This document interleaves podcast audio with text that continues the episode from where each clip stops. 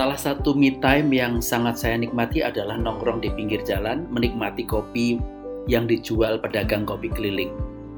Atau kadang juga di warkop yang menjual mie instan atau roti bakar. Di tempat-tempat seperti itu, saya tidak hanya bisa minum kopi dan mengudap. Saya juga bisa ngobrol santai, entah dengan pedagangnya, entah dengan sesama orang nongkrong. Saya menikmati keakraban dan suasana apa adanya di sana saya juga menikmati bagaimana teman saya nongkrong bercerita mengenai politik, mengenai ekonomi, sampai juga berbicara mengenai jual beli tuyul. Tetapi yang paling membuat saya merasa nyaman di sana adalah saya merasa berada di tempat yang pas. Uang Rp5.000 atau Rp10.000 yang saya belanjakan masuk ke pihak yang pas.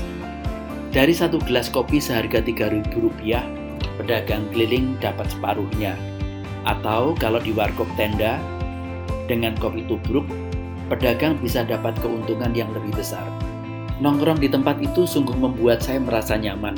Saya merasa menyalurkan uang jajan saya pada pihak yang tepat.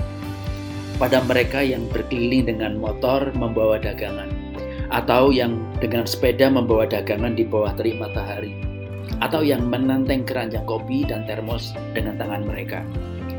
Saya juga senang berbelanja sayuran di pasar tradisional atau pedagang keliling dengan pilihan sayuran dan buah lokal, bukan buah impor. Mengonsumsi atau membeli produk impor sesungguhnya bagi saya menyakitkan. Produk impor memang sering lebih murah karena dihasilkan oleh industri besar dengan tingkat efisiensi yang tinggi. Sedangkan produk lokal dihasilkan oleh produsen kecil, petani kecil, petani sekelas bapak saya dulu mereka sangat kecil, sangat gurem, tetapi dalam kelemahannya mereka ikut memastikan ketersediaan pangan bagi kita semua. Begitulah saya mencoba melakukan kebaikan-kebaikan kecil. Pilihan saya adalah dengan ikut memastikan rezeki bagi orang-orang kecil seperti itu, tanpa harus memberi mereka uang dan makanan. Saya senang dengan pilihan itu, karena ternyata memastikan rezeki bagi mereka bisa dilakukan dengan hanya memindahkan alokasi belanja Memastikan rezeki bagi orang miskin adalah pilihan di mana kita nongkrong, di mana kita berbelanja, pada siapa kita berbelanja, menu makanan apa yang kita pilih dan sejenisnya. Itulah pilihan saya, mencoba melakukan hal baik dengan tindakan kecil dan sederhana.